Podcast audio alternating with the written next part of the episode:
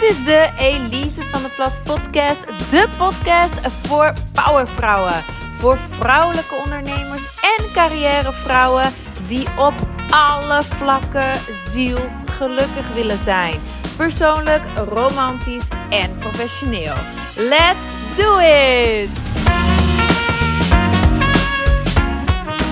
Yes, een nieuwe aflevering. Het is weer zover. En in deze aflevering ga ik drie goed bedoelde adviezen met je delen. Die eigenlijk ruk zijn. Uh, ja, en wat je dan wel moet of kan doen. Want je hoeft natuurlijk helemaal niets. Je moet helemaal niets. Maar ik ga je een oefening en een tip geven aan het einde van de aflevering. Uh, ja, wat je eraan kan doen om die adviezen ook gewoon uit je leven te bannen. Die adviezen of het nou een quote is, een hardnekkige conditionering of dus een goed bedoeld advies tussen haakjes. We dealen er allemaal mee en je wordt er ook continu mee overstelpt. Hè? Via Instagram, uh, nieuwskanalen, uh, vanuit je omgeving. Het is echt non-stop. Um, ik noem dat ook heel vaak zeurgesties. Hè? Want het zijn helemaal geen suggesties. Het is eigenlijk echt een zeurgestie. Er wordt aan je gezeurd om het zo te doen. Hè?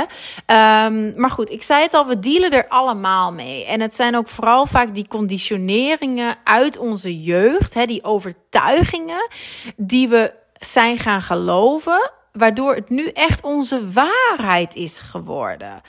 Um, Terwijl ze dus ons helemaal niet dienen. Hè? Omdat ze bijvoorbeeld volledig onwaar zijn. Um, of omdat ze persoonlijk voor ons niet juist voelen als waarheid. Dat jouw vader een bepaald iets geloofde, um, dat betekent nog niet dat jij dat ook gelooft. Hè? Maar deze conditioneringen bepalen vervolgens wel alles in je leven. En toen ik hier achter kwam, toen dacht ik ook: holy fork. Um, die conditioneringen, dat is wie jij wordt. Dat wordt volledig jouw mindset, jouw ingesteldheid. En bepaalt op die manier dus wat je doet, hoe je het doet. Uh, het bepaalt alles. Hoe je je kleedt, wat je wel of niet zegt. Vaak ook wat voor werk je gaat doen, wat voor wie jouw partner wordt.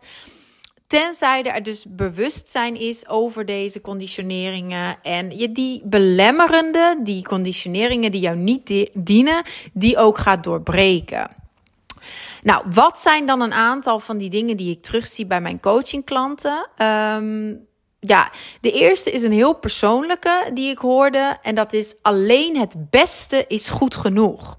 En dat is eh, bijna een gezegde natuurlijk. Dus er zullen meerdere zijn die dat hebben gehoord in hun jeugd. En dit was een vader die alleen maar zei: alleen het beste is goed genoeg. Het beste is goed genoeg. Dus als zij een 8 haalde op haar toets, dan was het niet goed, want ze had geen 10. Hè?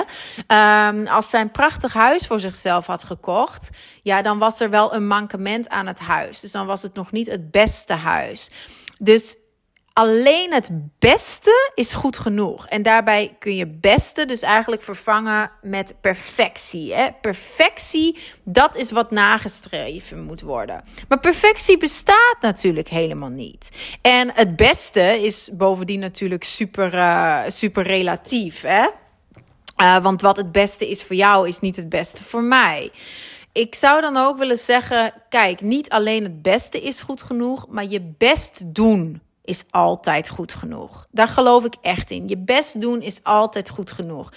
Um, you will never regret being a good person and having good intentions. En daar gaat het om. Het gaat niet over het nastreven van perfectie, maar het gaat over je best doen. Dat geldt ook voor mij persoonlijk. Ik kies er echt bewust voor om het beste te doen voor mij en ook voor de mensen waarom ik geef. Ik probeer altijd het beste te doen. Maar dat is heel iets anders dan perfectie nastreven. Of iets foutloos willen doen. Als ik het met een goede intentie heb gedaan, met de beste intentie heb gedaan, dan is het voor mij goed genoeg. Dus niet alleen het beste doen is goed genoeg, of het beste zijn is goed genoeg, maar het met de beste intentie doen is goed genoeg. Dat, dat vind ik echt een, een, een, uh, ja, een mooie om die op, op die manier zeg maar om te buigen. Die uh, foute conditionering. Want dat kan je natuurlijk echt heel erg in de weg staan. Hè? Uh, als jij perfectie nastreeft, dan, dan belemmer je jezelf ontzettend. De kans is dan namelijk heel vaak groot dat je dingen gewoon niet meer gaat doen. Omdat je denkt, ja, ik ga het toch niet goed doen. Ik ga het toch niet perfect kunnen doen. Dus dan doe ik maar helemaal niets. En op die manier zit je jezelf ontzettend in de weg. En houd je jezelf ook heel erg klein. En ontneem je daarmee jezelf en anderen ook ontzettend veel uh, geluk en, en mooie dingen. Omdat je gewoon helemaal bevriest en niks meer doet. Um, dus ja, dat is één die ik uh, tegen was gekomen. En dan de volgende. Het is echt een ook een maatschappelijke conditionering. Want het is gewoon een uh, verschrikkelijk gezegde. En dat is: doe maar gewoon, dan doe je al gek genoeg. En dat is ook zo'n advies of gezegde wat je dan hoort. Het dat maakt me echt lichtelijk agressief. ik vind dat zo'n verschrikkelijk gezegde. En dat is ook weer zoiets van: oké, wie heeft dan bepaald wat gewoon is? Weet je wel, wat is gewoon? Iedereen op deze aardkloot is anders. Iedereen. Um, dus hoe kun je dan zeggen wie dan gewoon is of wat dan gewoon is? Dat betekent dat één iemand dan maar gewoon is en de rest allemaal niet of zo? Want we zijn allemaal uniek, hè? Um, maar goed, dit is ook weer zo belemmerend in de zin als dit ook in jouw systeem zit, hè? als het ook een conditionering is die jij hebt, al is het onbewust, dan houdt dat in voor jou in de praktijk dat je vaak te weinig ruimte in durft te nemen. Um, dat je je niet uitspreekt. Uh, dat je je niet echt openlijk uit. Ook qua expressie op alle vlakken. Ook weer qua kleding, qua make-up, qua alles. Hè? Dus, uh, want je durft niet anders dan anders te zijn, te doen, te denken. Uh, want dat is dan in jouw hoofd niet gewoon. Hè? Dat is anders dan de rest. En dat is ook echt een hardnekkige overtuiging vanuit je ego. Want je ego wil uh, hetzelfde zijn. Hè? Die wil erbij horen. Um, dus ja, dat ga je dan echt moeten doorbreken. Van hé, hey, ik wil leven vanuit mijn ziel. En ik wil ook verbinding maken met mensen vanuit mijn ziel. En niet vanuit mijn ego. Dus mijn, mijn doel gaat helemaal niet zijn om gewoon te zijn. Maar mijn doel gaat zijn om mezelf te zijn om de beste versie van mezelf te zijn. Dat zou het doel moeten zijn. Niet om gewoon te zijn.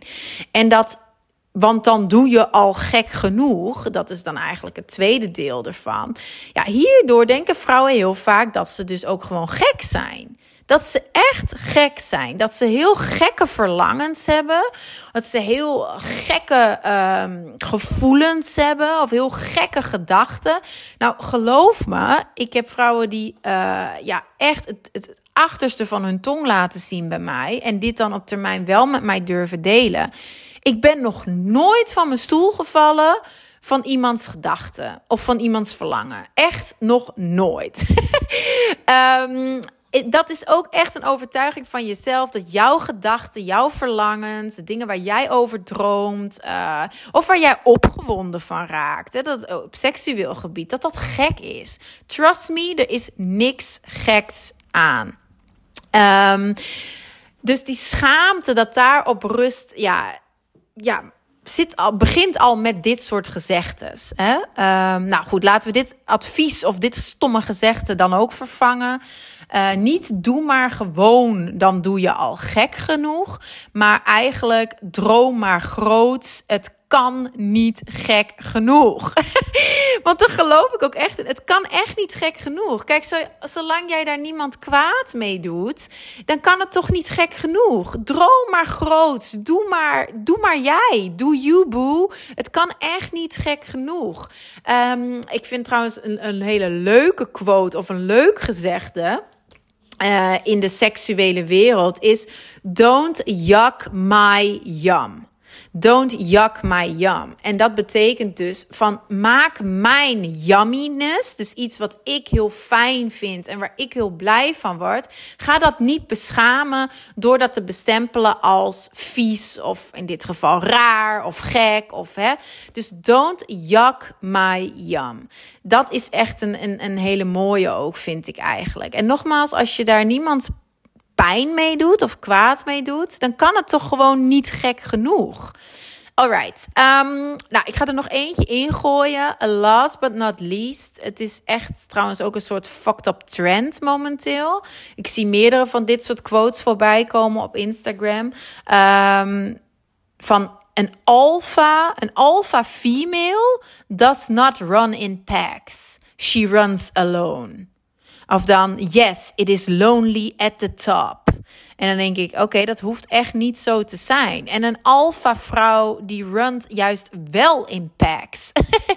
het zijn juist wel die meest succesvolle, gelukkige vrouwen die een hele sterke achterban of sisterhood hebben van andere gelijkgestemde powervrouwen. That's really where the magic happens. Dus dit is zo'n slecht advies.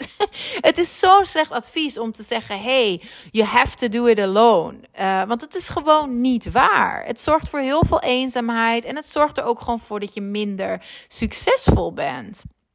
Uh, het is echt een, een rare gedachte dat je als powervrouw alles alleen zou moeten kunnen. Um, en zou moeten willen ook. Hè? Want ik geloof echt, je kunt het allemaal wel alleen. Maar je moet dat niet willen. Waarom zou je dat willen? Het is veel krachtiger om te kunnen delegeren. Om prioriteiten te kunnen stellen. En om de controle ook los te kunnen laten. Dingen uit handen te kunnen geven. Dat is echt veel krachtiger. En het is ook gewoon veel slimmer. Um, en ik herken dan bij mijn coaches vaak dat het een kwestie is van dat ze denken dat ze niet alleen worden gezien als minder krachtig en minder sterk, als ze om hulp vragen, maar dat mensen hun ook minder lief gaan vinden. He, dat, het, dat het niet nobel is van hun om hulp te vragen. Dat het egoïstisch is om hulp te vragen aan iemand anders. He, want uh, die ander die heeft het ook heel druk en noem maar op. En dan gaan we allerlei dingen invullen. Um, nou, dan een goed, uh, goed advies, dat ik echt heel vaak hoorde van mijn moeder, is nee heb je, ja kun je krijgen. En je kunt het toch vragen. Diegene kan ja zeggen, diegene kan nee zeggen. Um, maar nee heb je, ja kun je krijgen. Het is ook niet dat je iemand dwingt om je te helpen. Hè? En nog een andere gedachte uh, daarin of daarover is dat het eigenlijk juist egoïstischer is vaak om alles bij jezelf te houden, om niets uit handen te geven, want je geeft een ander helemaal niet de kans om bij te dragen. En mensen willen het gevoel hebben dat ze iets bijdragen aan jouw leven. Of dat nou jouw collega is, jouw teammember, of je vriend, of noem maar op. Mensen die helpen echt graag. Dat is zo'n les wat ik heb geleerd. Dat ik, ik dacht het zelf ook. Hè? Mensen die willen mij niet graag helpen. Ik moet het allemaal alleen doen. Het is egoïstisch als ik hulp vraag. En toen kwam ik erachter, nee, het is echt andersom. En uh, toen kwam ik daar ook onderzoeken over tegen. Dat het dus echt bewezen is dat als jij mensen jou laat helpen, ze jou leuker vinden. Ja, ik ga dat nog een keer herhalen. Het is bewezen dat als jij mensen jou laat helpen, ze jou leuker vinden. Dat jij alleen maar in hun achting stijgt. En we denken echt vaak dat het dus andersom is, hè? Nu, de gedachte daarachter is uiteraard wel dat je mensen niet heel moeilijk maakt. Hè. Je moet ze niet door het stof laten kruipen voor je. Dat is absoluut niet de bedoeling. Maar als je mensen een klein taakje geeft, of een taakje geeft waarvan je weet dat zij het heel goed kunnen, beter dan dat jij het kan, ja, dan is dat heel goed voor hun zelfvertrouwen. En dan vinden ze jou dus ook leuker. Dat is, ja. Nou, voorbeeld bijvoorbeeld. Ik ga een voorbeeld geven. Ik ga het gewoon doen. Ehm. Ik heb dit gedaan jaren geleden. Ik stond in de Starbucks en kijk, het ding is, ik kan echt wel mijn eigen koffie kiezen. Dat weet iedereen. Dat straal ik ook uit. Dat zelfvertrouwen heb ik echt wel om mijn eigen koffie te kiezen bij Starbucks. Maar ik laat me wel heel graag helpen inmiddels. Ik heb daar totaal geen moeite mee. Ik vind dat juist krachtig dat ik me kan laten helpen. Nou, in dit geval stond er een leuke man naast me in de rij, dus ik vroeg zijn hulp.